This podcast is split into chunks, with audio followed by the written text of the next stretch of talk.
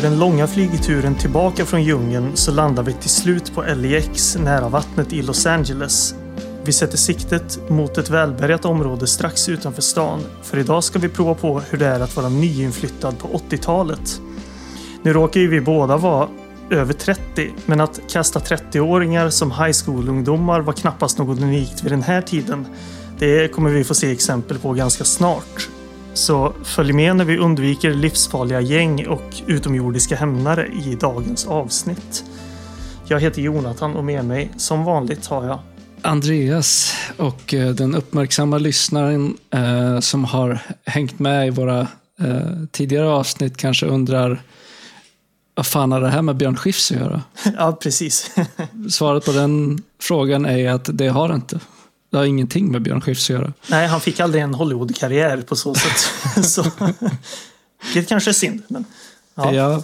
Eh, så det som har hänt är att vi har fått flytta på Björn Skifs-avsnittet eh, till eh, mars blir det istället. Precis. Vi ska absolut inte skippa Björn Skifs. Ska nej, nej. Det ser jag mycket fram emot, men, men vi skjuter fram det lite grann. Ja, ja för den, vår tilltänkta gäst fick förhinder, så vi, vi skjuter på det till, till mars istället. Så. Mm. Eh, men vilka filmer ska vi prata om idag då, Jonathan? Ja, alltså dagens tema kan vi säga först, det är ju lite luddigt just. Temat är ju nyinflyttad i eh, nyinflyttad på 80-talet. Så. Eh, så vi, vi, vi har egentligen valt två filmer som till en början tänkte vi något slags, jag tror vi pratade om sci-fi tema eh, till en början. Men eh, det var ju du som snarare poängterade att eh, de här filmerna eh, inte nödvändigtvis, alltså, eller snarare en av de här filmerna inte nödvändigtvis bara är en sci-fi film. Utan det finns något lite annat som utmärker eh, filmen eh, The Wraith då, som vi ska prata om delvis. Eh, du kan ju dra lite snabbt vad du tänkte på där, för det är ju en, en speciell känsla som vi är lite ute efter. Precis, alltså vi hade ju tänkt först att para eh, The Wraith med filmen The Hidden. Uh, just för att de har den här sci-fi kopplingen och det finns även uh, vissa kopplingar vad det gäller musik och liksom bara stil. Men när jag tänker på The Wraith så är det i första hand att den handlar om väldigt unga personer mm. som jag tänker på. Att det känns som en så här typ science fiction slash eh, skräckfilm i någon slags tonårsmiljö. Eh, eller en miljö av unga vuxna. Och att det är för mig den mest framträdande aspekten i den filmen. Eller det som på något sätt eh, vad som i första hand utmärker för mig. Så då föreslog jag istället att vi skulle para The Wraith tillsammans med eh, någon annan film som, som också utspelar sig i en så här ungdomlig 80-talsmiljö. Och sen eh, valde vi Tough Turf då från 1985 med eh, James Spader. Och eh, du uppmärksammade ju då den, den här grejen med att eh, i, i, båda filmerna så har vi att göra med personer som är nyinflyttade. Ja, precis. Ja. Och det är också en, en, en slags undergenre som det finns ganska mycket, mycket film med. Vi, vi kan ju spoila lite grann så vi kanske kommer återkomma till, till att vara nyinflyttad på 80-talet även i en, i ganska snar framtid. Så. Mm. Um, så filmerna vi ska prata om är alltså då Tough Turf från 1985 och The Wraith från 1986. Ja, Tough Turf hade faktiskt en svensk titel såg jag. Det trodde jag inte, men den hette Tough Turf bindestreck Gatans terror. ja, just det läste jag också på IMDB nu när du säger det. Ja, vi, vi ska ju börja med det här eh, VHS-omslaget som, ja, nu ska jag inte gå händelserna i förväg, men här har de gjort sig skyldiga till att ljuga lite. det, det var ett tag sedan vi läste ett omslag som, eh, som, vad ska man säga, saltade filmen. Men ja, då står det alltså Tough Turf, gatans terror på framsidan. Los Angeles tuffaste bostadsområde. Tough Turf. Jag kan stanna redan där. Alltså, menar de att, att området hette Tough Turf? Det gjorde det väl inte?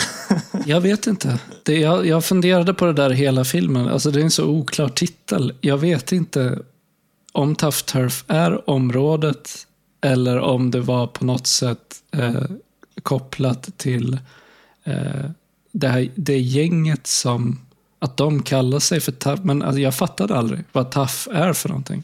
Turf är ju, är ju ett begrepp som, som används alltså för område. Liksom. Jo, jo Att det precis. här- det men här vad är Tough? Vad är TUF? Ja, men, ja, men jag, tror- jag tror bara det är en, en cool omskrivning av tough, alltså T-O-U-G-H, tough, tuff. Men det, det är ju helt...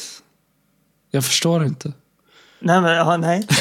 Varför, varför, varför inte bara döpa den till Tafta som T-O-U-G-H? Ja, men det är ju, det är ju coolare än med T-U-F-F.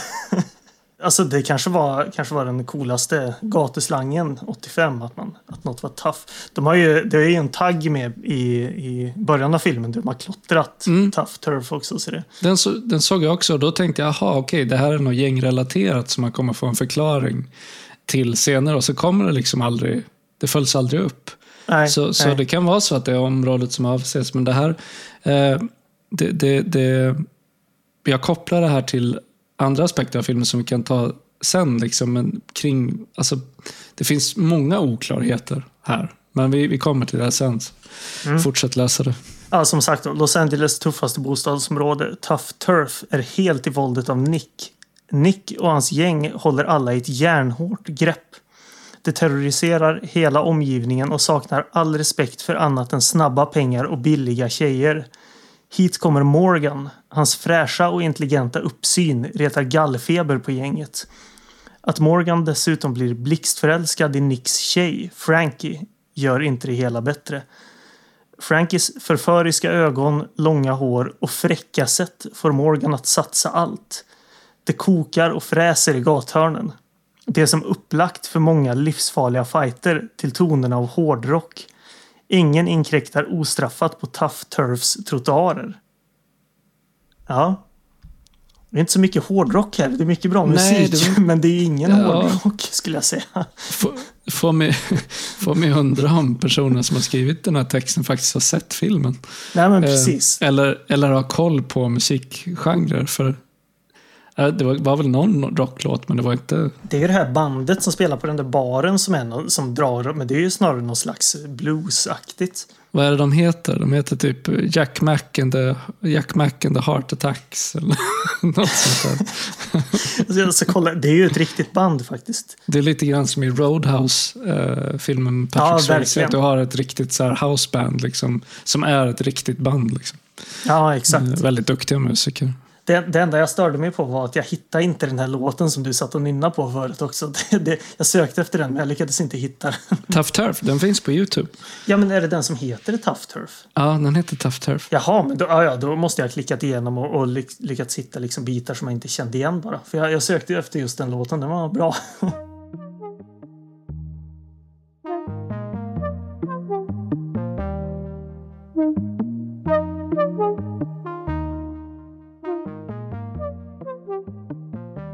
Vad har vi för namn kopplade till den här filmen? Först och främst. Precis. Eh, jag minns faktiskt inte vad regissören... Jo, han hade något lustigt namn. Eh, Fritz någonting, eller vad var han hette? Han heter Fritz Kirsch. Just det. Han har ju regisserat Children of the Corn som många förmodligen känner igen med eh, Linda Hamilton ju. Och, men alltså utöver den här och Children of the Corn så har han ju gjort massa, ja det ser ut som risiga direkt-till-video-filmer helt enkelt. Mm. Eh, behöver inte vara ointressanta för det. men Nej, inte alls. Men det är ingenting som jag kände igen heller. nej, nej, inget alls. Eh, Samma sak med manusförfattarna. Så jag kunde inte se att någon av dem hade gjort någonting som jag så direkt eh, hajade till på. Nej, alltså enligt, enligt Letterboxd där när jag tittar så har de inte skrivit något annat alls. Förutom den här filmen. Vi ska ju komma in på att den här filmen drar lite åt... Det känns lite som en musikal och den eh, plockar ju ganska friskt ifrån alltså, eh, ja, men West Side Story kan man ju säga. Det är ju en West Side Story grej. Så det är inte helt omöjligt att tänka sig att de här manusförfattarna kanske kommer från annat håll då och inte film. Eventuellt. Så kan det vara. Jag vet ingenting om dem Nej. faktiskt.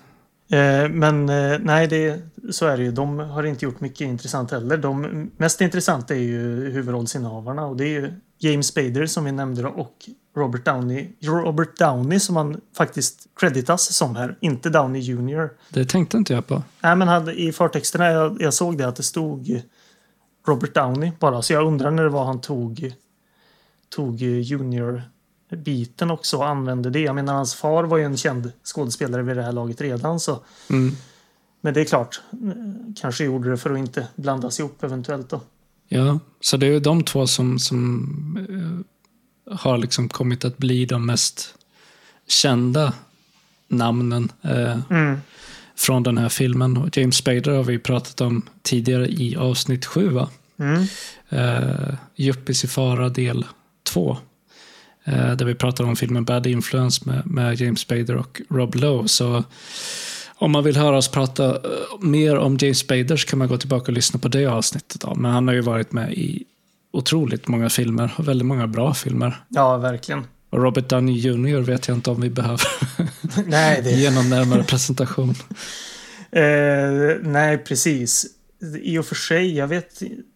jag- Alltså, vad som ska sägas också är att de här två har ju faktiskt... Två år senare så, så spelar de ju tillsammans igen i filmen Less than Zero som Mm. är eh, alltså Bret Easton Ellis filmatiseringen. Då. Helt OK film, men de jobbar ju lite tillsammans eh, ganska tidigt i karriären. De eh, ingick ju båda i, vad det, det, det kallades som The Brat Pack tror jag. Ja, alltså den, inklusive då Rob Lowe också. Och Mm. eh, eh, Andrew McCarthy bland annat. Ett gäng unga skådisar som eh, ja, blev kända och betedde sig. Eh, Robert Downey Jr var väl ganska hårt alkoholiserad. Jag vet inte hur gammal han var 1985. Han är född 65. Just det, så han var, han var bara 20 år då. Ja, precis. Ja, nej, han har levt hårt. Eh, tror att han är ren numera sedan ganska många år tillbaka. Men, men Ja, ja, eh, han kommer ju tillbaka med triumf får man allt säga. ja, och ja, det man känner igen honom från de senaste, jag vet inte, 15 åren eller så. Är ju Ja, det är som länge vid det här laget. Ju, To- faktiskt. Tony Stark i Iron Ja. Man. Men han hade ju en väldigt eh, fram, framstående karriär innan där. Det är väl lite synd att han kanske idag är, är mest, eh, att man associerar honom mest till den rollen. För han, han är ju en väldigt eh, duktig eh, skådis. Ja, precis. Och han har väl ja, ganska lite, om jag minns rätt nu, ändå sträckt sig utanför till andra filmer också under hela den här Marvel-stinten. Tycker det är lite synd det där med, för jag vet att ja, jag har ju knappt sett en enda Marvel-film och det säger jag inte för att jag vill vara elitistisk på något sätt. Jag är inte intresserad bara. Men det blir ändå så där att varje gång någon av de här skådespelarna som eh, har en liksom stående roll i det universat gör något annat så det är det liksom det enda man tänker på. Eh, och eh, också det enda som verkar ja, men, pratas om. Att Ja. åh, nu är personen som spelar den och den i Marvel-universat gör en vanlig film helt plötsligt. Jo, jag vill inte heller eh, låta nedvärderande för att eh, det finns många av de här superhjältefilmerna som jag tycker om också. Även om jag generellt har ganska svårt för de nya Marvel-filmerna. De, de säger mig inte så mycket, men, men det finns många andra eh, superhjältefilmer som jag tycker är väldigt bra. Mm.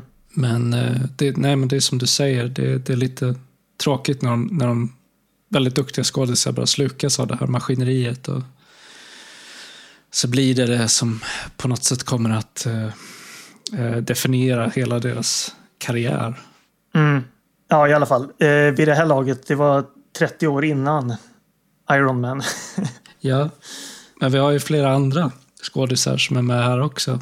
Eh, Mm. Även om de inte är lika kända namn. Det är Kim Richards heter hon som spelar den, den kvinnliga huvudrollen i den här filmen. Då. Frankie. Frankie, precis. Och hon, eh, hon är ett lite intressant namn också, Kim Richards. Eh, dels så eh, är hon med i Assault on Precinct 13.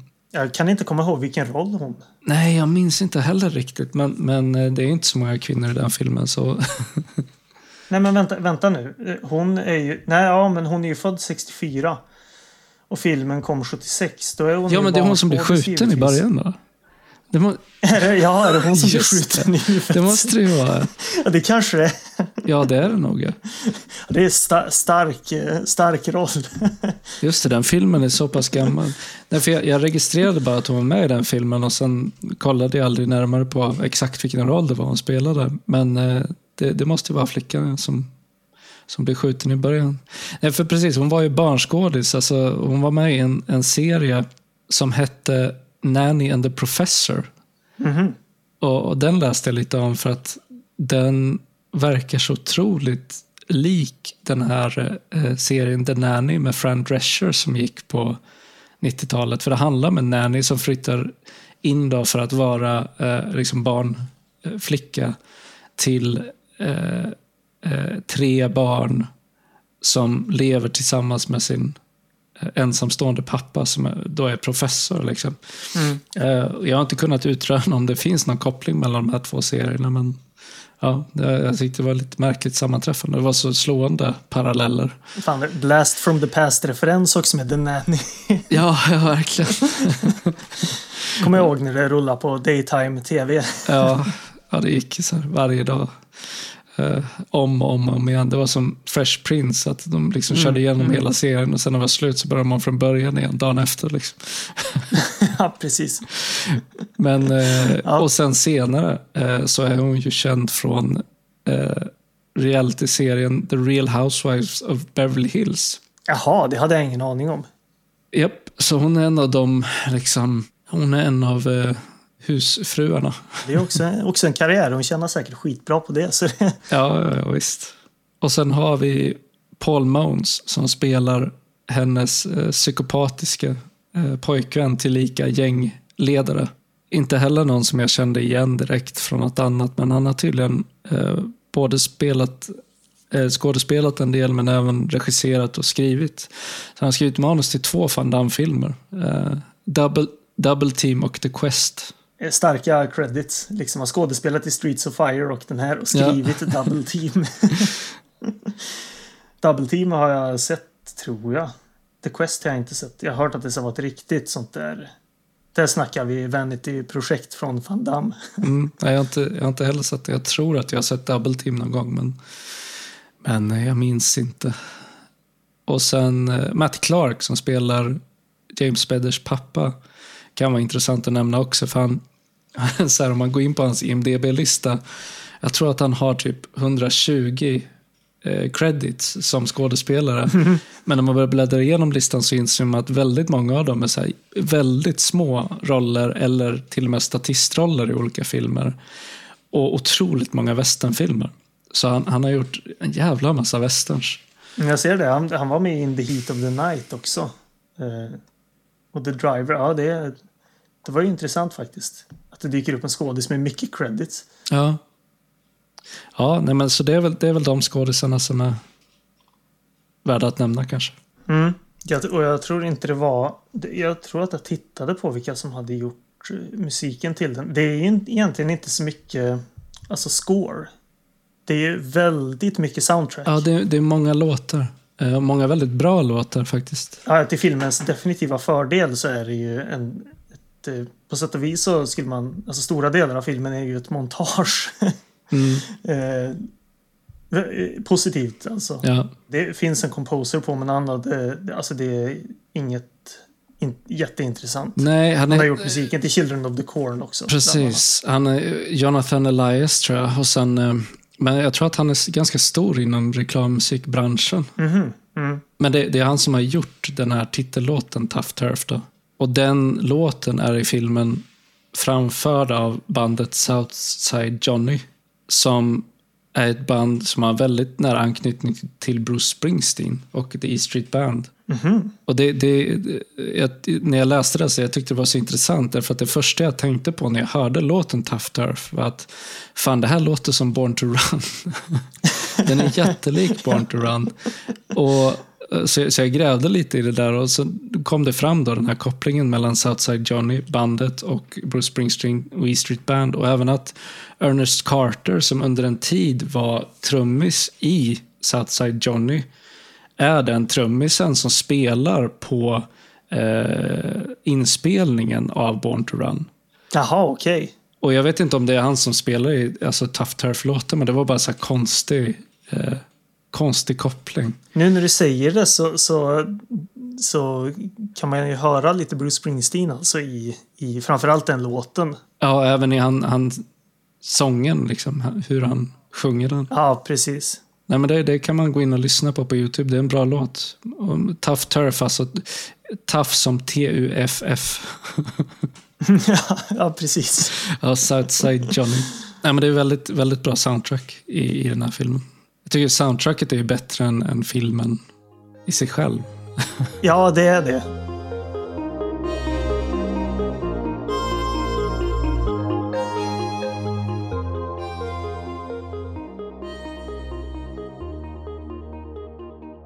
Den här filmen är solklart för cool för sitt eget bästa.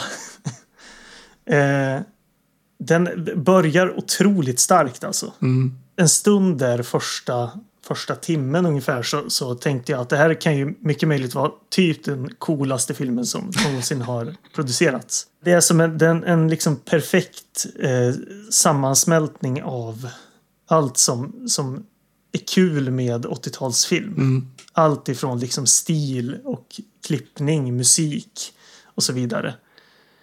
Och sen så kommer man ju till filmens största problem att den är två timmar lång.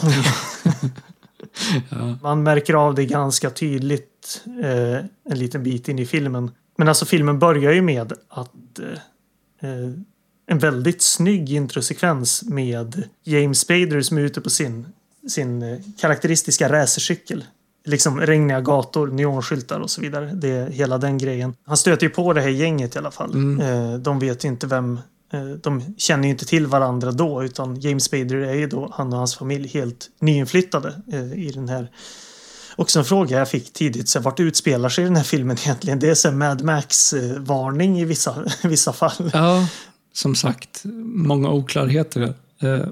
Det känns som att de försöker ge bilden av att man befinner sig i någon form av amerikanskt getto. Mm. För att de här människorna han träffar där, framförallt de här gängmedlemmarna och så, har det ju ganska, verkar dåligt ställt. Och James Spader och hans familjs story är ju att de har varit väldigt välbeställda men pappan har förlorat sitt företag och då har de varit tvungna att flytta. Mm. Och också på grund av att James Spader har varit i trubbel på sin gamla skola. Men de, de verkar ju ha gått från riches to rags. Liksom. Så, så, så, det ska väl vara ett väldigt fattigt område, men jag tycker att de är ganska dåliga på att förmedla det som det. Eh, för att när man bara tittar på hur de här miljöerna ser ut och de människor som rör sig där och så vidare så får man mest bara intrycket av att det är någon så här, ja men typ amerikansk suburb eller Alltså om man bortser från då, för det, den här scenen går in i... Han, han cyklar in i det gänget och de blir irriterade på honom såklart. Men han cyklar därifrån. Sen får man ju se när han vaknar dagen efter och då får man ju se det här området de har flyttat in i. Mm. Och jag tyckte att det såg ut som en ganska fin förort eller någonting. Förutom då att det kryper skalbaggar på hans vägg. Ja, precis. som, han, som han skjuter med någon slags luftpistol. Ja. Eh, men annars så tycker jag det ser ganska fint ut. Det, jag vet inte. Det, Hans, hans grej är ju också uppenbart att han meckar med cyklar då i och med att han har liksom flyttlådor med cykelgrejer eh, på sitt rum. Ja. Också någonting som aldrig riktigt får någon payoff.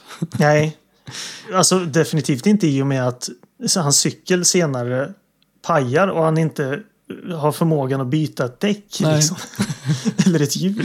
Nej. Det är så här, alla de där cykelgrejerna, han verkar inte fatta hur man plockar av hjulet. Men i alla fall, de, han stöter på det gänget i skolan sen. Han kommer ju dit som ny student till ett... Här får man ju ett väldigt fint montage till låten Tough Turf då. Mm. Eh, för att etablera hans karaktär. När han är liksom the new guy i skolan. Ja, och den där typen av scener har man ju sett många gånger i många mm. gamla amerikanska filmer. Alltså att när kameran så sveper över eh, en amerikansk college-miljö. Eh, mm. För de går på college. Det är inte high school va? Nej, det måste jag vara tror college. det är high school. Det är, är det high school? Ska de vara så unga? Ja. Shit. Ja, det, det, det var det jag liksom hintade till i början. Där, att det, det var ju standard vid den här tiden att uh, man liksom kastade 25-30-åringar ja. i roller som skulle vara high school. Men titta på valfri slasher, det ska vara ungdomar och det är 35-åringar som springer runt i skogen. Liksom. Ja, jo, så var det ju ofta, men här tyckte jag de såg lite extra gamla ut för att ja, jag skulle aldrig gissat att de gick i high school. Ah, ja, skitsamma. Nej, nej. High school då, men, men just en kamera som sveper över en amerikansk high school miljö um, och att det är uh, musiksatt på det här snygga sättet. Liksom, sånt här är ju alltid härligt. Ja, att verkligen. se liksom, ett montage av uh, ungdomar som går runt med bergsprängare och tar några liksom, danssteg på väg till sina skolsalar. Och, mm.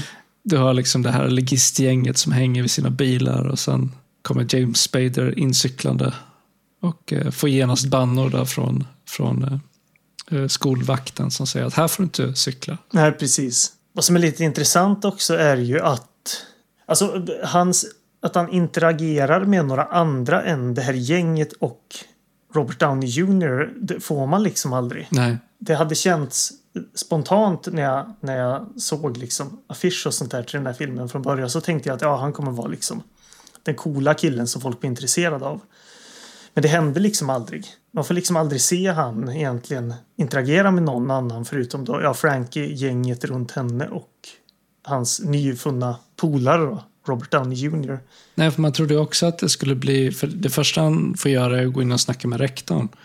Eh, mm. Och där säger rektorn så att ja, men på den här skolan så vill vi inte veta av några av de här eh, gangsterfasonerna som vi vet att du sysslar med på din förra skola. Och, eh, där, där på något sätt ges ju en indikation, tyckte jag, om att det är det filmen kommer handla om också. Att han så här, hamnar i trubbel på sin nya skola men att han kanske inte kan hjälpa det. Och att det blir liksom att han både måste eh, parera angreppen från det där gänget samtidigt som man ska sköta sig på skolan. Men den här skolbiten av berättelsen, den gör de ju aldrig någonting av. Nej, precis. Det känns som att de inte går i skolan ens Nej. längre ett tag där. Utan det är som att de driver runt i, i någon, någon slags eh, musikmontage-dvala ett tag där i mitten. Ja, för det, det blir ju någon slags West Side Story-pastisch av det. Alltså första akten är ju egentligen den som har eh, ja, men mest story på så sätt. Mm. För han kommer ju till skolan, han eh, får gå in till rektorn då som du säger. Sen så har han ju run-in nummer två med det här gänget då, som har tagit över parkeringen. De håller på att laja runt med hans cykel och så vidare. De känner ju igen honom från den här kvällen när de stöter på honom på, på stan och vill ge igen. Liksom. Vad är det för jävla tönt som cyklar? Liksom? Varför har ingen bil? ja, Fan, precis. Bil? De börjar ju inte riktigt fightas kanske, men de kör ju någon slags chicken race med, med James Spader på cykel. Vilket resulterar i då att hans, hans cykel eh, pajar som han sen inte kan, kan laga. Ja, och han håller sig ju väldigt lugn under den här eh, mm, interaktionen med, med gänget. Uh, han gör ju egentligen ingen motstånd alls. Samtidigt så backar han ju inte undan heller, utan han, han står där stadigt och bara tittar på dem. Liksom. Uh, och sen tänker de ju köra över honom. ja, precis. så, så här, eh, Fan ska eskalerar. Ja, det, precis. Gå från att de liksom latchar lite med hans cykel och, och till att eh, en av de här gängmedlemmarna bara kör bort med sin eh, rallybil längst bort på gatan och sen så gasen i botten och bara kör mot honom i full fart. Och James, James Spade måste liksom hoppa undan för att inte bli överkörd. Jag tänkte, det här är, ja, det är överlagt mord. Typ. ja, så man går ifrån rena så här dagisgrejer. Mm. Att här, ty, typ lika gärna kunde ha lipat och gjort långnäsa och ja, tagit hans cykel. Till att, att försöka mörda honom inom loppet av tre minuter. Ja, inför liksom en publik som är, hela skolan står ju där och tittar, tittar på. Uh, liksom. Att de verkar tycka att det är så coolt. Liksom. Ja, men det är som, som jag kommer ihåg också att det var när man gick i högstadiet. Så här, att om det, om det var liksom någon i eh, två killar i klassen som började slåss och resten av klassen försökte inte avbryta. De bara ställde sig i ring runt om och hejade på. Kolla om det var fight. ja, precis. så här hetsar dem till att, ah, kom igen nu. Ja, Så, ja, det är väldigt konstig, konstiga scener. Så han är inte, ja. Ja. han är inte rädd för några, några vittnen till det här. När han potentiellt ska köra över honom. nej precis. Eh, redan här så tyckte jag att man känner av eh, att den filmen vid det här laget i alla fall har ganska mycket gemensamt med The Wraith. Om man bortser då från den utomjordiske hämnaren som vi ska prata mer om strax. Mm. Så, alltså allt gänget, men framförallt det här fokuset på bilar och eh, musik eh, och så vidare stämmer verkligen. Eh, de har ganska mycket med varandra att göra. Mm. Eh, lite att de, de kanske på så sätt vill fylla lite samma eh, ja, men, vara lite samma typ av film. Men den stora skillnaden då att man har helt olika omgivningar som vi också ska, ska ta upp sen. Jo, men, men också att det finns ett sånt här fokus på det stilmässiga. Eh, Mm. i, i, det, det är mera, mer stil än substans. Ja, precis. Vilket inte eh, nödvändigtvis är någonting dåligt. Nej, nej, exakt. Jag är- är vanligtvis en ganska eh, en förespråkare för stil över substans. Men just i den här filmen då så kan jag ju känna att det är lite lite substans. Ja, och framförallt att eh, intrigen, när man tänker lite närmare på den, är ju ganska... Det så här makes no sense. Nej, För det som händer är ju då, ja men han blir eh, kär i den här gängledarens eh, flickvän och eh, börjar liksom flörta med henne och försöker fånga hennes intresse och sådär. Hon blir intresserad av honom också. Och, och den här eh, gängledaren blir såklart väldigt svartsjuk och visar sig ju vara en, ja, men en riktig jävla psykopat. Han är ju, jag, ty- jag tycker han är lite så här, alltså jag tror största problemet jag hade med den här filmen är eh, att den är stämningsmässigt så väldigt spretig. Mm. Eh, För att den går från att vara just här, ja men i det närmaste en musikalfilm. För det finns liksom rena så här dansscener. Eh, väldigt koreograferade dansscener som att det skulle vara så här en, det är som High School Musical typ. ja, ja men verkligen. Och, verkligen. och, Eh, eh, med bra musik då förvisso. Men, men eh, eh, till, till eh, ganska obehagliga sekvenser. Mm. Väldigt råa så här och alltså rena övergrepp. Och, alltså det, den är... Jag, jag kände mig stundtals i den här filmen lite illa till mods just för att den å ena sidan ska vara det här lite hörtiga, härliga, eh, liksom ja, men musikalinspirerade och sen plötsligt blir någon slags rå gängfilm. Ja, precis. Verkligen. För de... Jag minns faktiskt inte riktigt hur de hämtar upp Frankie där ganska tidigt i filmen. Men man får ju två scener där, där de lite ja, men, besöker varandras... Eh, som att de skulle ha ett, ett varsitt liksom, eh, karaktäristiskt ställe. Mm. Det, James Spader har ju den här baren Mm. eh, som han går till. Där då det här bandet... Vad, vad, vad heter de nu? där, där det här bandet spelar. Eh, Jack Mac and the Heart Attack. Ja, precis. Eh, Men är där inte det får man det lokala slags- haket liksom, dit alla ungdomarna går?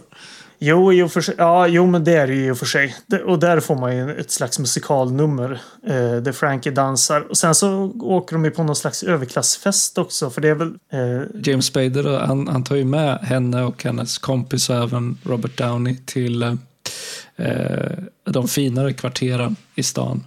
Och sen kraschar de ju en, en, så här, eh, eh en fest på någon golfrestaurang mm, Och där blir det ju någon slags här Ferris Bueller's Day Off-grej med att de i ett montage eh, sitter och, babblar med, med eh, societeten på den här festen och låtsas vara del av det här gänget. Och sen utmynnar det i eh, ett, ett solo sångsframträdande av James Spader vid pianot. precis. innan de blev utkastade därifrån. Så det är så här, ja, eh, också väldigt random scener i, i den här filmen. Ja, Jag tyckte för sig om den sekvensen, men det, det limmar inte riktigt med resten av, av filmen. nej, precis. Och jag skrev det att hans, hans eh, balladinsats där är inte nog stark för att de inte skulle bli utkastade tidigare. tror jag. Jag ser inte klanka ner på hans sångröst. Men, men, det är inte han som sjunger. Jag läste det att han, det var, han hade någon sån standing liksom, för han kan tydligen inte sjunga. Så. Jaha, jag skulle, jag skulle precis säga att, att James Spader kanske inte är någon sång och dansman men då var det ju till och med någon annan som, som jag inte tyckte var någon höjdare. ja, jag vet inte. Uh, nej men alltså fram tills den här punkten så, så har man ju ändå, men det går ganska hyfsat kvickt liksom. Man har en, en, någon slags story man följer. Men när man kommer fram till timmesträcket där så börjar jag bli ganska eh, zona ut en del. Mm. Alltså. Det, det, det, det, känns verkligen här som att man inte riktigt vet vad man, vart man vill. Ända fram tills de, de skjuter James Spaders farsa som också är en sån här en jättemörk scen som bara dyker upp mer eller mindre. Det jag gillade med den scenen var det så här oväntat i att han gör ett så jävla bra motstånd. Han, de är tre av de här gängmedlemmarna som hoppar på honom liksom, för att de, de vill hämnas på att Frankie då har börjat ja, bli förälskad i, i James Spader och sen som de jävla fegisar de är så ger de sig på hans åldrade pappa istället. Mm. Som är taxichaffis. Och sen när de gör det så visar det sig att han är en jävel på att slåss. Han håller på Alltså om det inte vore för att den här gängledaren då drar pistol till slut så hade han ju spöat ner de här tre. Ja, ja. det är väldigt oväntat. Ja, ja, verkligen. Det är också en sån ändå apart scen från, från ja, resten av filmen dittills. Sen blir ju avslutningen också ganska mörk på så sätt. Ja. Men det, fram tills den här biten så, så känner jag som sagt att det, det, jag tappar den tyvärr ganska ordentligt. Eh, vilket är synd i och med att alltså, det finns så mycket som jag tycker om här. Eh, men eh, när det blir för långt utan eh, liksom vettigt innehåll så, så blir det tyvärr bara ganska trist. Och jag vet inte riktigt varför man har envisats med att fylla ut den så mycket eh, som man ändå har gjort. Nej, den är i alla fall 20 minuter för lång. Ja, definitivt. Eh, och jag menar, man hade ju, känns det som, kunnat kapat rakt av bara. Ta 20 minuter där efter timmen så, mm. så hade du haft en, en jävla kanonfilm. Ja, jag, jag tycker också att den blir onödigt mörk på slutet. Alltså det hade varit bättre om den jag menar, vill man göra någon så här West Side Story eh, eh, hommage så varför inte bara göra det ordentligt då istället för att försöka göra det här till någon så här ja men å ena sidan liksom eh, sång och dansfilm och å andra mm. sidan ska det vara en liksom socialrealistisk skildring av människor som växer upp i misär och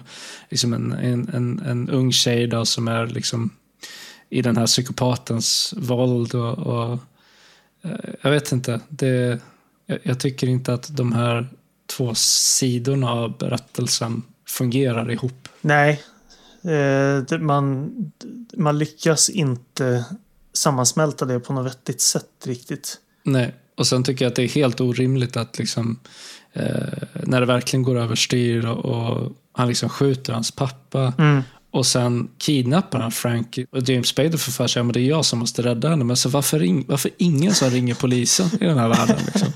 Och inte ens Frankies pappa själv. Liksom att han bara så här, ah, nej men min dotter har blivit kidnappad. Han ringer inte heller ja. polisen. Nej, precis. Det, i, I och för sig så finns det väl något i det där med att man helt har committat till att det mer eller mindre inte finns några vuxna i den här världen. Förutom ja, farsan då som blir skjuten. Men samtidigt så blir det så där att om man vill ha det så så får man ju verkligen, verkligen committa till det också.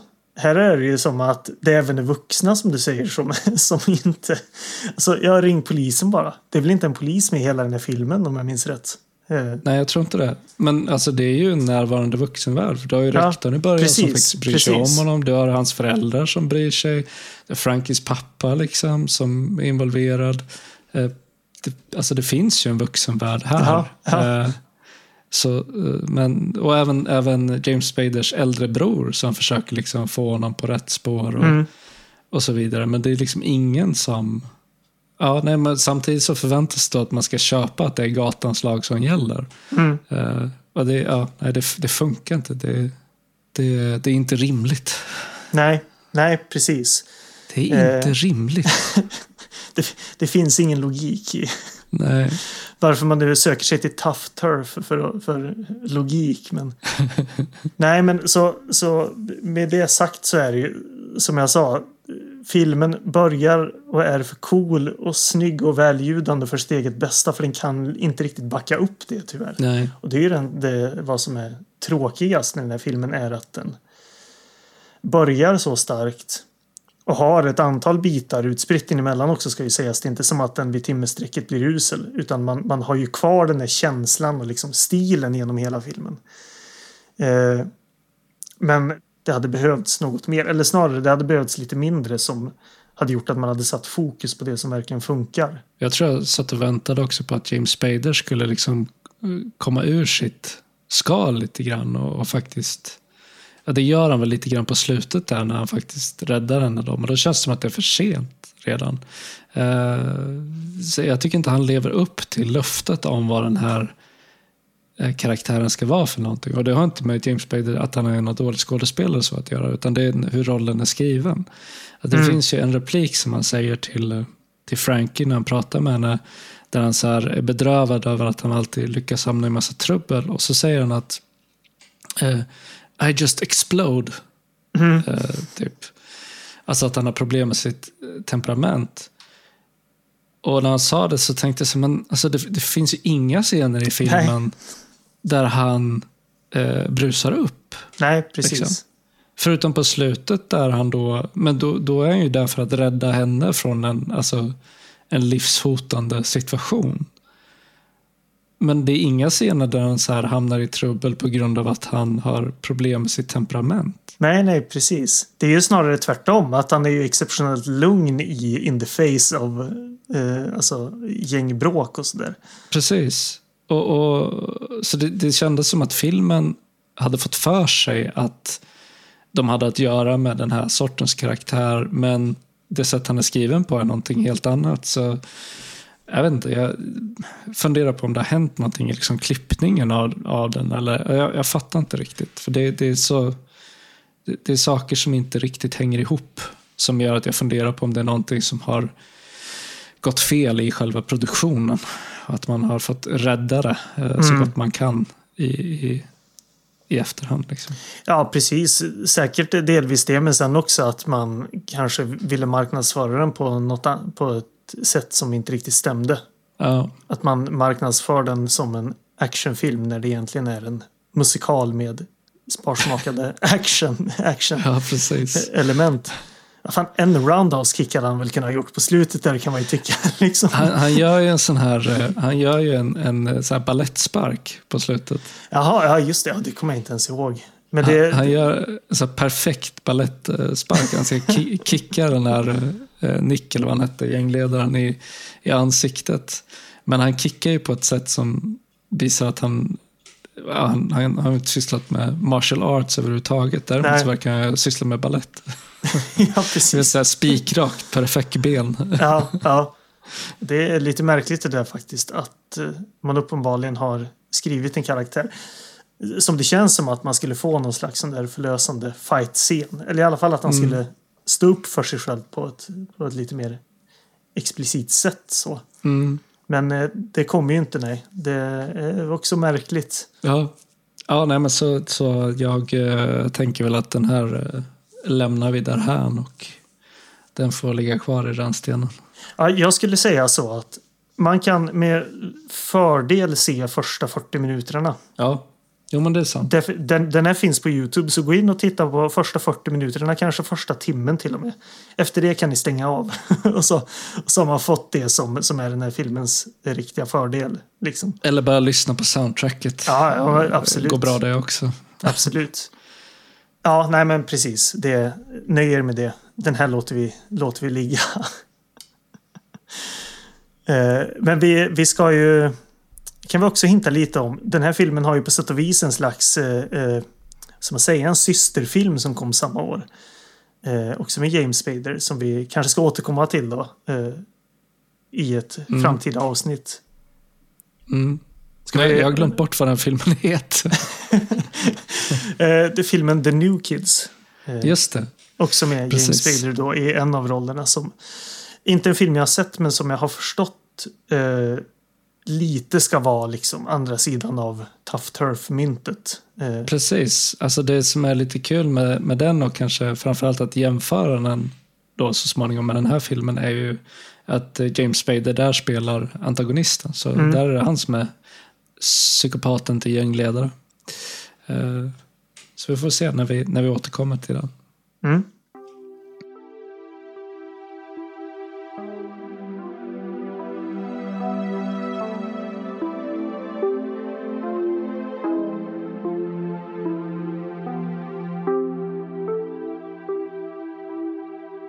Nästa film vi ska prata om är alltså The Wraith från 1986 som eh, eh, vi tror även har hetat Tillbaka till verkligheten i Sverige. Mm. Men, men det verkar, jag vet inte om den har släppts som med olika namn, eh, olika tillfällen eller sådär. För ibland verkar den heta The Wraith och ibland så har den fått namnet Tillbaka till verkligheten. Så det är lite oklart. Precis.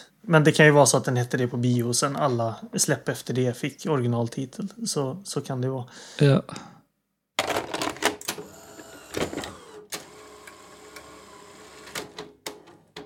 På framsidan av den här VHS-kassetten så ser vi eh, The Wraith då som är... det är, det är vad, vad, betyder Wraith? Det är typ vålnad va? Ja, jag tror det. Ska slå upp det för det är ju... Google säger vålnad. Men, ja, det gör eh, det. Ja, precis. Ja. Nej, för det jag tänkte på är ju att det, det är en ganska... Det, det, är en otypisk vålnad. Mm. Det är bara en motorcykelknutte med svarta skinnkläder och svart hjälm med, med svart glas på. Och ett, och ett hagelgevär med LED-lampor på. Men eh, det står i alla fall att “He's not from around here”. Och på baksidan så står det “The Wraith, årets överraskning”.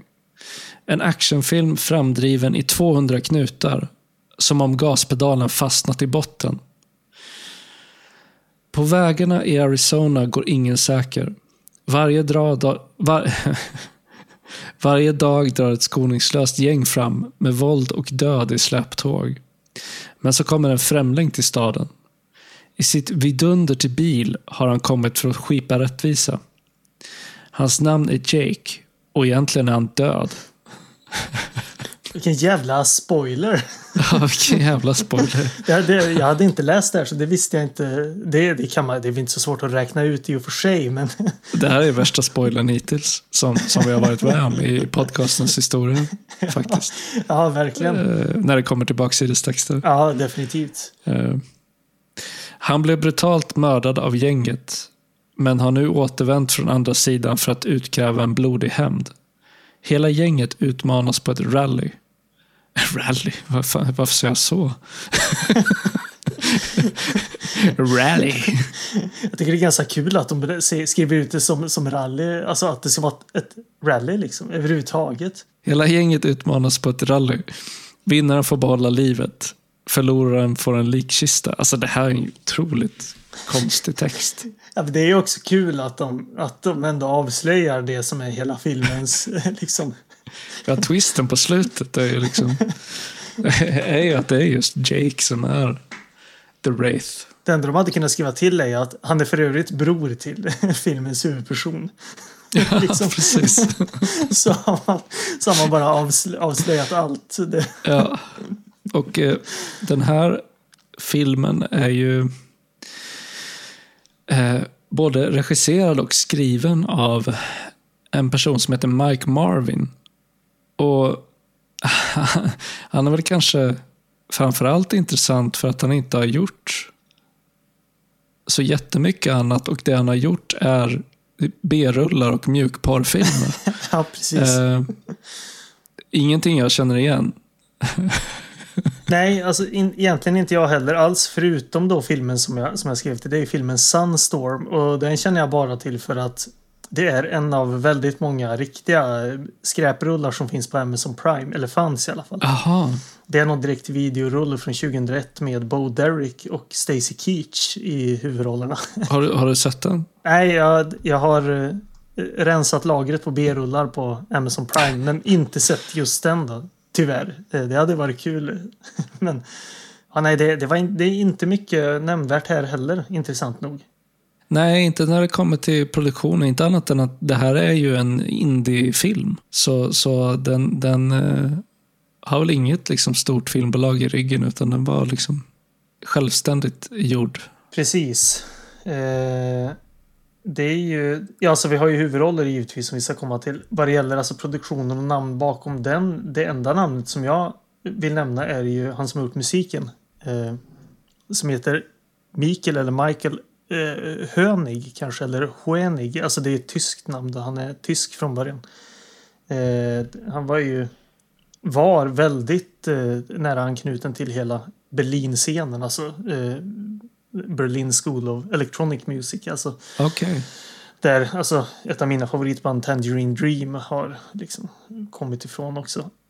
Alltså man brukar kalla det som, som en skola men det var en typ av liksom ambient syntmusik. Eh, drar kanske lite åt krautrock-hållet.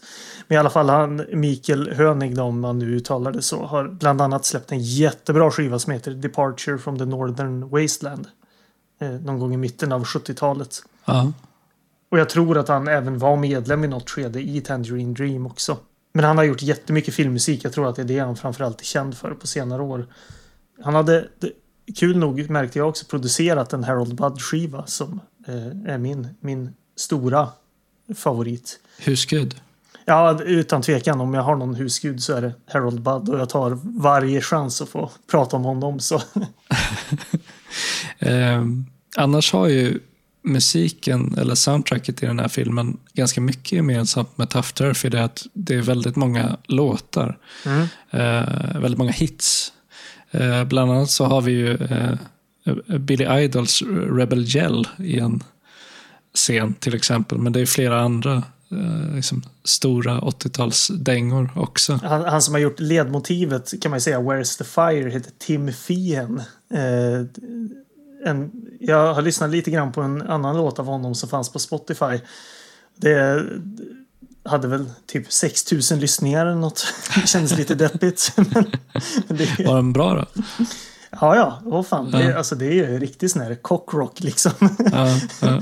arena, arena trummor och... Ja, nej, men han, han har gjort ledmotivet som är, som är riktigt bra. Eh, Det som spelas under förtexterna. Sen så får, det får man ju också någon sån här riktig radiorocksballad när, eh, när Charlie Sheen åker in på sin cross in i stan. Då. Mm. Precis. Eh, Nu nämnde jag ju Charlie Sheen. Vi måste ju ändå nämna vilka som spelar också. De som spelar är ju alltså, ja, men precis som du sa, eh, Charlie Sheen. Var det här samma år som Plutonen?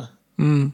Han eh, var väldigt eh, eh, produktiv eh, 1986. Alltså han eh, spelade i fem, fem filmer tror jag, 1986. Eh, bland annat så släpptes ju även filmen Lucas det året, som är en av mina gamla favoritfilmer där han spelar en eh, amerikansk fotbollsspelare eh, på, på en så här high school Eh, också en high school-film. En väldigt bra high school-film. Och eh, sen gör han ju en liten roll i Ferris Bueller's Day Off. Eh, där han är... Eh, han sitter så här häktad på en polisstation. Och eh, sen gjorde han The Wraith, Plutonen och en film som heter på svenska Egen lag. Och eh, originaltiteln är Wisdom. Regisserad av hans bror, ser jag. Eh, Emilio Estevez. Ja, precis. Emilio Estevez spelar huvudrollen i den filmen. Så han, han var ju med i, i väldigt många filmer Mm. eh, det här året, men också åren runt omkring. Så han hade ju en väldigt produktiv karriär på, på 80 och eh, 90-talet. Ja, fan alltså många hits också. Ser man. Ja. Fan, det är inte dåligt att, att bränna av de där fem filmerna och sen köra Wall Street och Young Guns året efter. Året innan så hade han gjort eh, en av huvudrollerna i The Boys Next Door, som är väl en av kanske hans mer bortglömda filmer, men skulle jag säga en av hans bästa filmer. Ja, skitbra. Den, den kommer vi få anledning att återkomma till. Eh, Det är verkligen en så här bortglömd pärla. Mm, mm, definitivt. Det stod, hans första roll var i Badlands, ser jag. Eh, Men det är ju någon, en uncredited. Jo, jo, men det är ju Martin Sheen som spelar huvudrollen i Badlands. Så. Det är ju farsan som är med. Ja, precis. Hans credit i Badland är Boy Under Lamppost. Så Ja, både han och Emilio deltog väl som statister där. Den är från 1973, så de var ju väldigt unga. Charlie Sheen är född 65, så han var ju bara sju år då. Nej, åtta, förlåt, åtta år. Eh, när den kom. en film jag aldrig kommer fram till. Som jag har velat se i alla år. Som jag aldrig kommer fram till att se. Badlands? Ja, du har Ja. inte sett den? Nej, den, nej, är, nej. den är ju fantastisk. Alltså, den, det kommer bli en av dina nya favoritfilmer om du ser den. Det känns som, som eh, något som är eh, right up my alley, så att säga. Ja, Men ja, det, det det- blir aldrig av av någon. Helt, helt otrolig film. Ja, nej, men den måste du prioritera och se. Mm. Och eh, ja, sen såklart, alltså Charlie Sheen, jag tror det jag kanske eh, associerar honom främst till är ju Hot Shots-filmerna som Ja, gick ja, varmt precis. på min gamla VHS-spelare när jag på 90-talet. Ja, verkligen. Jag såg, jag tror att, att framförallt var tvåan jag såg som mest av någon Ja. anledning. Det är säkert för att vi har spelat in den på, något, på någon gammal kassett. För att den gick på tv. Den är bäst också. Tvåan är bättre än ettan. Eh, skulle jag säga. Det kanske den är. Jag tror till jag undrar om jag ens faktiskt såg den första filmen som barn då. Eh, Eller om jag har sett den först på senare år. Mm. Och i den kvinnliga huvudrollen eh, ser vi Sherilyn Fenn som Mm. eh, ju framförallt är, känd från Twin Peaks. Där hon spelar Audrey Horn. Men hon har gjort en massa annat också. På senare år så, så har hon mest gjort roller i tv-serier. Det är andra Twin Peaks alumnen, höll jag på att säga, men det här var ju, var ju flera år innan Twin Peaks. men det, det är andra Twin Peaks-skådisen vi återkommer till. Känns som jag återkommit till Twin Peaks-skådisar förut också, har vi inte det? Ja, det, det har vi säkert gjort. Eh, men de enda jag kommer på nu är ju eh, Lara Flynn Boyle då, eh, som var med i The Temp. Eh, och, Just sen, och sen Sherilyn Fenn nu då. Tyvärr så får inte Sherilyn Fenn göra särskilt mycket i den här filmen överhuvudtaget. Nej, nej. Hon känns ju totalt bortkastad i den här rollen, för hon är en väldigt bra och intressant skådis. Ja, verkligen. Nej, hon, hon är ju... eh, Vad ska man säga? Alltså... Ja, men hennes roll är uteslutande liksom ett, ett slags manusverktyg känns det som. Lite. Ja. Eh, tyvärr. Hon är, hon är den vars eh, gunst eh, männen i den här filmen tävlar om. Även om Mm. hon är i och för sig, hon är ju aldrig intresserad av, av eh, den här gängledaren som är spelad av Nick Cassavetes. Men han Mm. är ju som besatt av henne. Ja, För här har vi också en, en gängledare då som är psykopat och är väldigt obehaglig. ja på, på alla sätt och vis. Har du sett Nick Cassavetes i något annat? Han är kanske mer känd som, som regissören. Eh, nej, jag, jag har inte, alltså, han har gjort många skådespelarroller. Eh, och det är i filmer som jag har sett, men jag kommer inte ihåg honom från. Nej, det är samma för mig. Jag har sett filmen Blind Fury med eh, Rutger Hauer. Och där ska han tydligen vara med, men jag kommer inte ihåg honom. Nej. Och jag har sett Mask från 85. Kommer inte ihåg honom därifrån. Jag har sett Face-Off flera gånger. Kommer inte ihåg honom därifrån. Ja, det har jag också gjort i och för sig. Eh, Jag har sett The Astronaut's Wife. Kommer inte ihåg honom därifrån. han kanske gjorde större intryck som regissör då. Och som, som Packard här såklart. ja, jo, men kan, han, alltså han har ju någonting lite så alldagligt över sig. Mm. Alltså man bara tittar på hur han ser ut. Så, så det kanske är det, att han har... Jag vet inte om du har sett The Mighty Boosh någon gång? Den här komedi, brittiska komediserien. Nej, det tror jag inte. Nej, men det är ett skämt i den där karaktärerna håller på liksom, ja men de, de gnabbas med varandra. Och den ena liksom påstår att han, eh, att han är väldigt karismatisk, att han har utseendet för sig och så vidare. Och då säger den andra karaktären till honom liksom att eh, You got a face, face like a man's thigh. Det vill säga att han är helt så här bl- blank. Alltså, man ser hans ansikte så, det är så intetsägande så man inte liksom kommer ihåg några ansiktsdrag överhuvudtaget. Så. Ja. Nu ska jag inte säga att Nick Cassavetes har face like a masked thigh, men han har någonting alldagligt över sig som, som gör att han kanske inte, han, han är inte det eh, ansiktet man kanske tänker på i första hand när man tänker sig en leading man. Liksom. Nej, han ser också otroligt gammal ut. Ja, För att vara 25 år, ga- 26 år gammal tror jag att han var. Så ser han, han hade kunnat vara 40 nästan. Det, och det är inte det att han, han liksom nödvändigtvis ser jättegammal ut. Utan det är nog bara att han sättet han klär sig, frisyren han har och utseendet han har får nog honom bara att se gammal ut. ja, Eh, det är lite märkligt. Men jag ser här att han är med i en film som heter Black Moon Rising. eh, Som är en gammal sci-fi film med Tommy Lee Jones och Linda Hamilton. Den har jag varit nyfiken på så det är något vi skulle kunna kika på inför poddens framtid kanske. Eh, ja, just det. Eh, I Filippinerna Mm. så släpptes den här filmen The Wraith som Black Moon Rising Part 2 Jaha, ja. för Ja. att koppla den till en helt orelaterad film, alltså Black Moon Rising Ja, med Tommy det- Lee Jones. Det var inte bara, det var inte bara italienarna som gjorde, som gjorde, liksom slängde på en titel för att tjäna stålar. Nej. så, eh, men jag läste det tidigare, bara, men då visste jag inte om att Nick Cassavetes var med i Black Moon Rising också. Så det, är Ja, det, också det finns en koppling uppenbarligen. Ja, ja som man eh, var väldigt snabb att uppmärksamma då i Filippinerna tydligen. Mm. Precis. Men eh, ja, Nick Cassavetes, eh, han har ju även regisserat filmer och den liksom mest kända filmen han har regisserat är väl eh, The Notebook, eller Dagboken. Mm. Med, eh, eh, gud vad heter han? Ryan Mm. Gosling är det väl? Ja, och Rachel McAdams, precis. En så här eh, romantiskt drama som jag faktiskt tycker om.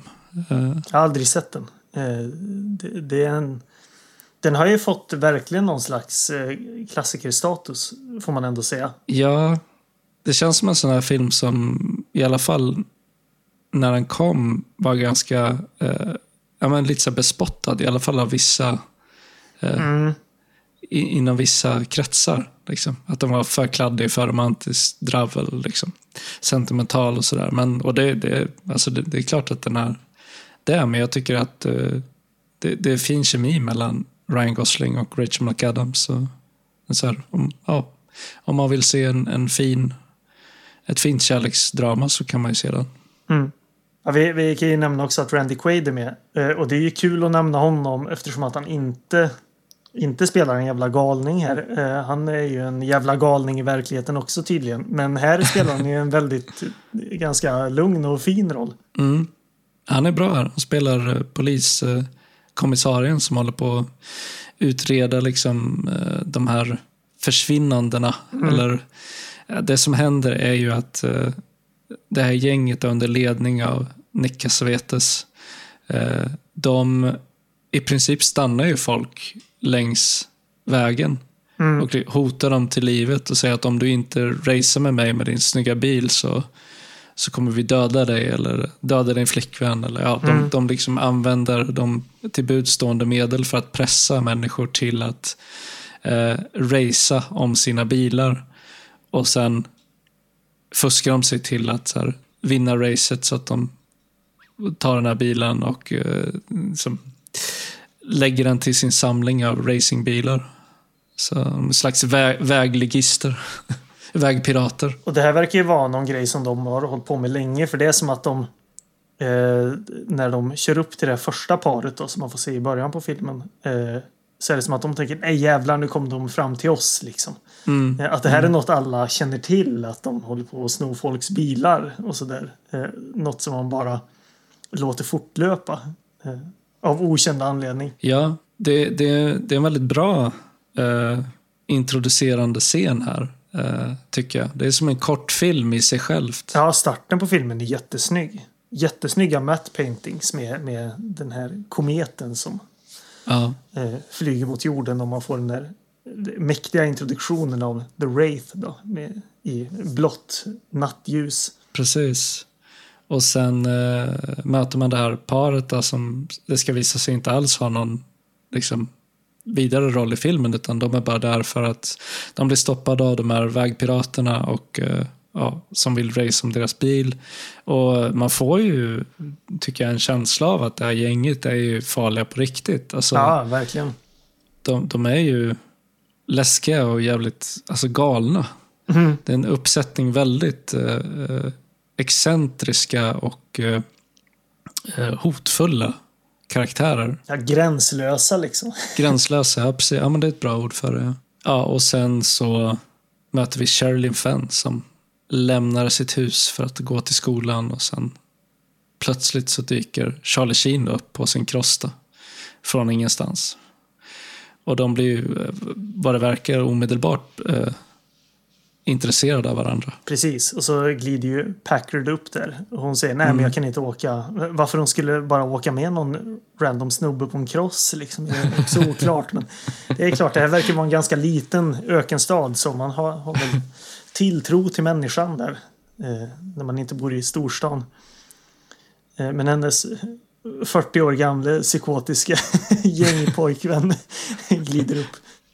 Som ju inte är hennes pojkvän. Nej, för precis, Hon, hon är inte- här, är- från början väldigt tydlig med att hon är ett dugg intresserad med honom. De har aldrig haft någonting ihop. Nej, precis. Hon vill inte vara med honom och han så här, kan inte acceptera det. Utan han bara, jo men du är med mig liksom. Mm. Jag älskar också att han har, han har helt fattat att det absolut mest ikoniska en gängledare har, det är stilettkniven. Ja, han, han använder den liksom, ja men det är väl sex, sju gånger i hela filmen att, att han kör den där, tsch, liksom knäpper upp den där som hot. det, det är väldigt utmärkande för hans karaktär att han hela tiden ska flexa så jävla mycket. Men det, han har ju ett, det är ju ett rätt, jag skulle säga lika delar kul som lite påfrestande gäng han har runt sig. Eh, Ja, Men de har ju kört det här, dragit det här till max. Det, det påminner mig lite om, om punkargänget som är med i Return of the Living Dead. just man, jag vet inte om du har sett den, men, men eh, det är verkligen det här att man, man har spänt eh, liksom verkligen spänt bågen för hur, hur de här ska se ut.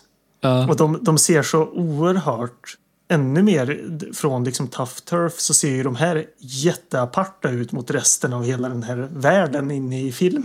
liksom. ja, verkligen. Eh, Och det är här är det ju kul att, att man ändå har dragit det så väldigt långt. Att det har det här, ja men återigen liksom Mad Max uteliggar punkar-gänget liksom som driver runt i sina bilar. Eh, Men jag tänkte precis säga det att jag direkt tänkte på Mad Max. Mm. Här. Eh, Framför allt eh, vad det gäller karaktärerna Skank och Gutterboy känns det som att de är som direkt plockade ur en Mad Max-värld. Ja, Eh, I allt från hur de klär sig till att de är så här bränt sönder hjärnorna av att ha sniffat liksom kemikalier. ja men det, det, är ändå, det är ju jättekul för de, antingen så dricker de i någon slags radioaktivt hembränt eh, ser det ut som. ja, Och sen han, killen med de runda glasögonen sniffar ju typ VD40. eller någonting. han har en sån där flaska med en sån där lång liksom, eh, pip på. Som man kör upp i näsan och sniffar. han, är, han är ju eh, gänget så här designated nerd och han är väl i princip Ja. där får man ju reda på för att han är som hotad till livet. ja, för att han ska utveckla någon slags...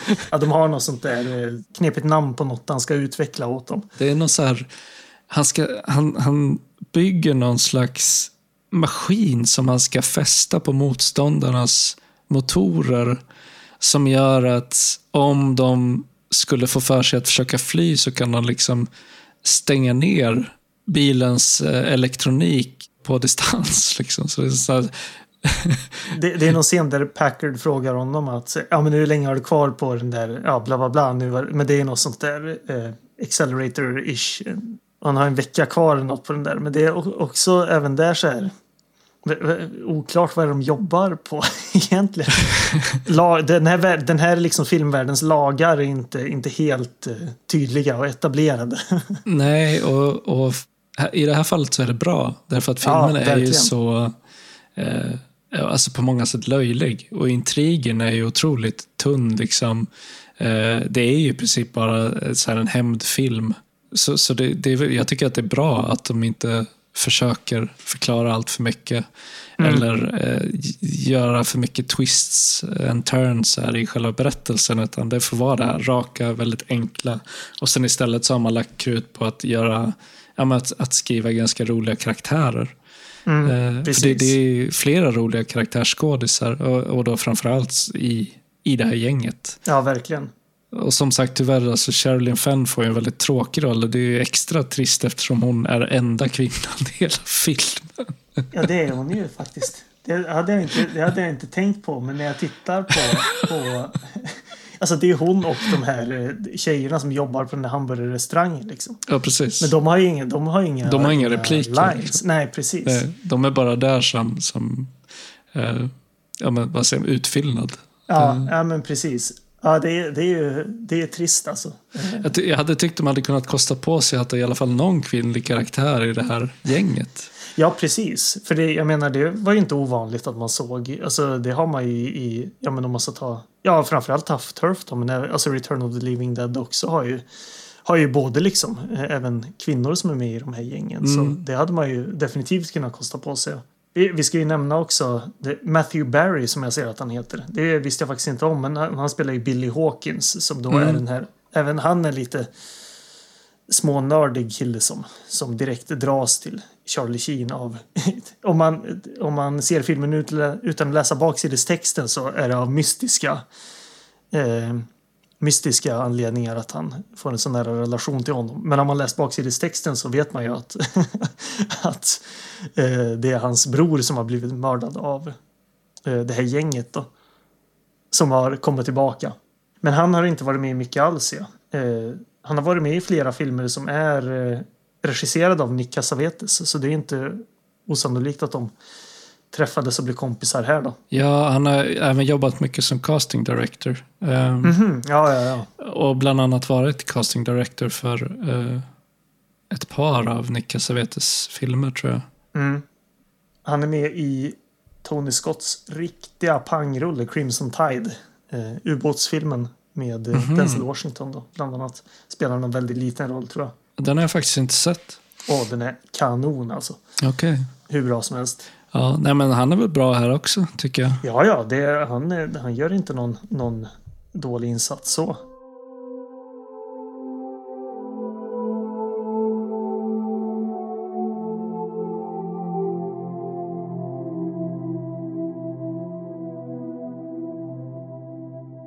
men alltså det, det, det, det ut, vad ska man säga liksom? Alltså det utvecklar ju sig till, som du säger, en ganska enkel hämndrulle liksom. För eh, The Wraith dyker ju upp då och eh, indirekt mördar eh, en av de här eh, medlemmarna i bilgänget. Ja, de racear ju med honom. De vill ju åt hans snygga bil liksom.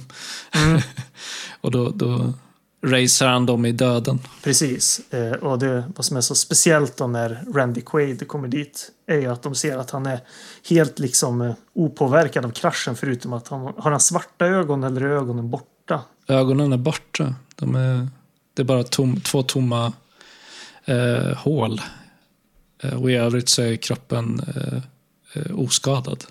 Ja. Trots att, att den är, liksom, har varit i ett brinnande bilvrak. Mm. Och det där mönstret upprepas ju då, för han, han racer liksom en efter en i det här gänget och alla eh, går samma ödes till mötes. Jag, ty jag tycker det är en sån härlig, härlig scen när eh, The Wraith dyker upp vid deras bilmeckarlada som de har mitt ute i. för det, det, den utspelar sig ute i, i öknen kan man ju mer eller mindre mm. säga då, eh, i någon slags liten ökenstad. Då åker den ut i deras lada som de har och det är så, så snyggt det där att inne i den här ladan så har de en glastegelvägg i sin bilmeckarlada. Liksom. Jag, jag, som vi har återkommit till tidigare, jag är en stark förespråkare för glastegel. Men det känns så apart att ha en enorm glastegelvägg inne i en sån gammal lada.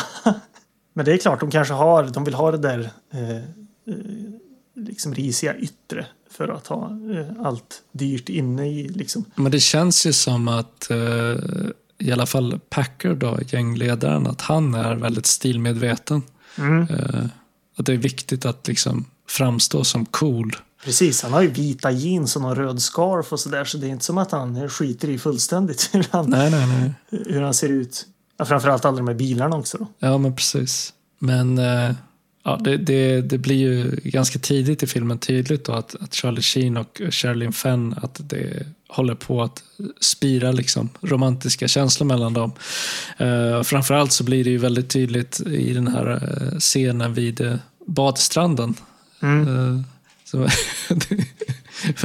väldigt speciell scen där de finner varandra på varsin eh, badmadrass i sjön och, och bara paddlar iväg tillsammans. Det ser väldigt mysigt ut. Ja, men det är så knepigt också för det åt...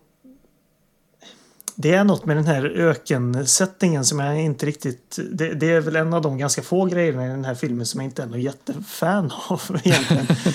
eh, och det, det, blir så knepigt det där att, att de är inte som på en sandstrand heller utan det är som någon slags sån här, eh, Ja, det är som en stenhällar som går som liksom vetter ner i en, i en liten bäck som de paddlar runt i där på, som mm. du säger, varsin luftmadrass. Det är liksom ja, men fint och fånigt på samma gång.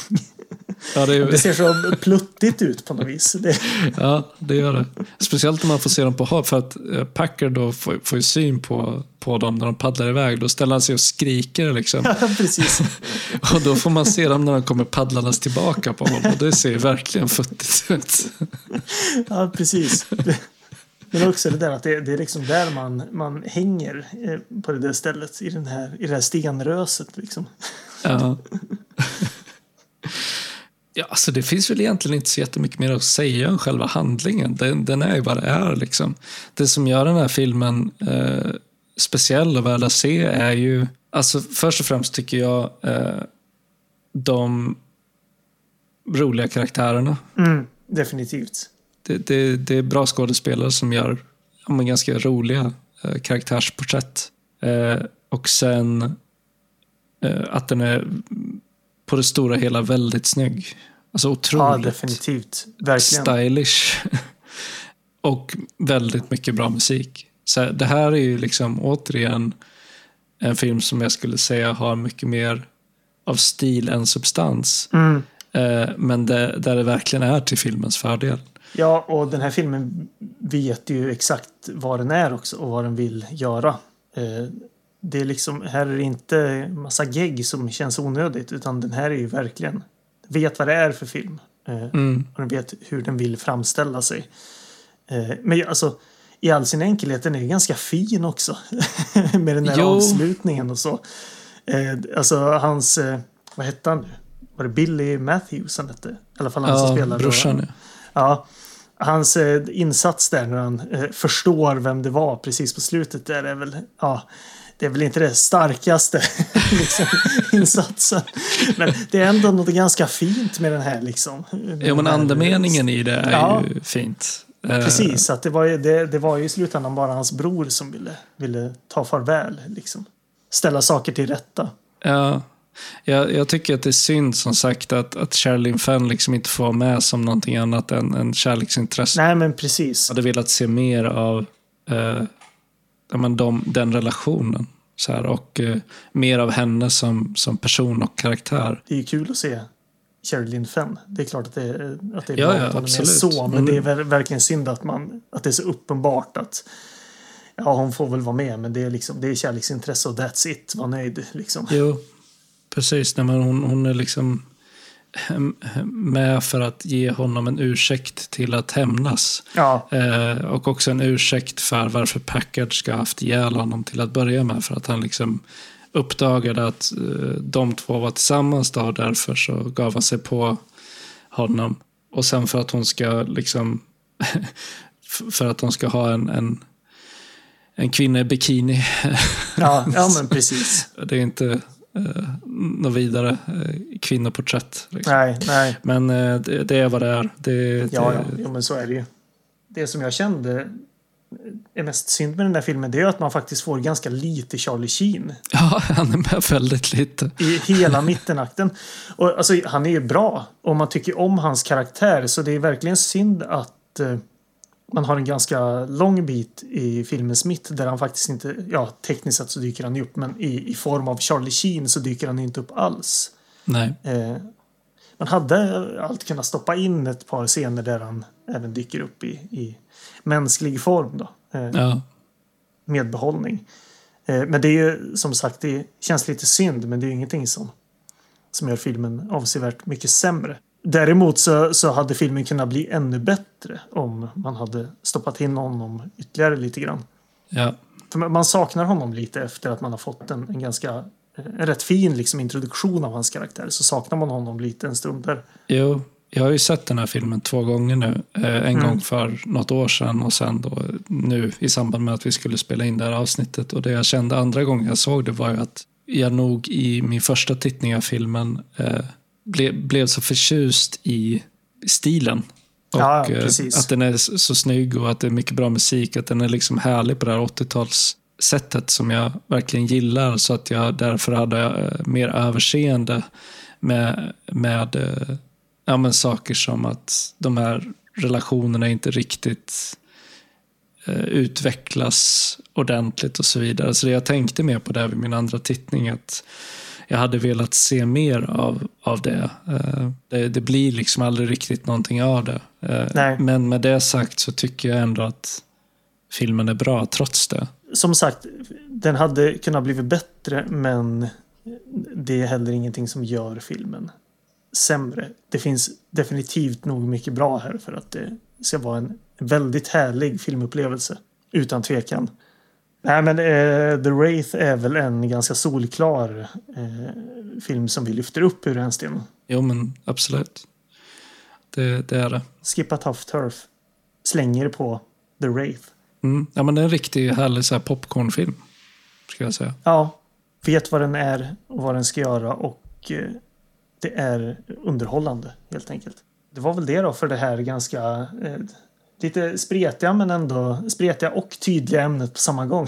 Ja, nyinflyttad på 80-talet. Jag tänker att när vi återkommer till det här temat nästa gång så, så kan vi vi prata lite närmare om, om temat också.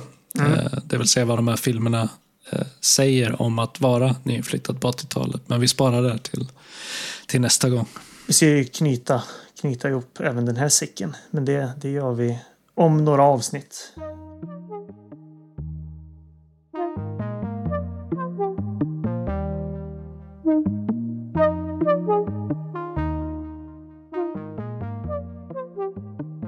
Då blir det amerikansk indiefilm i nästa avsnitt.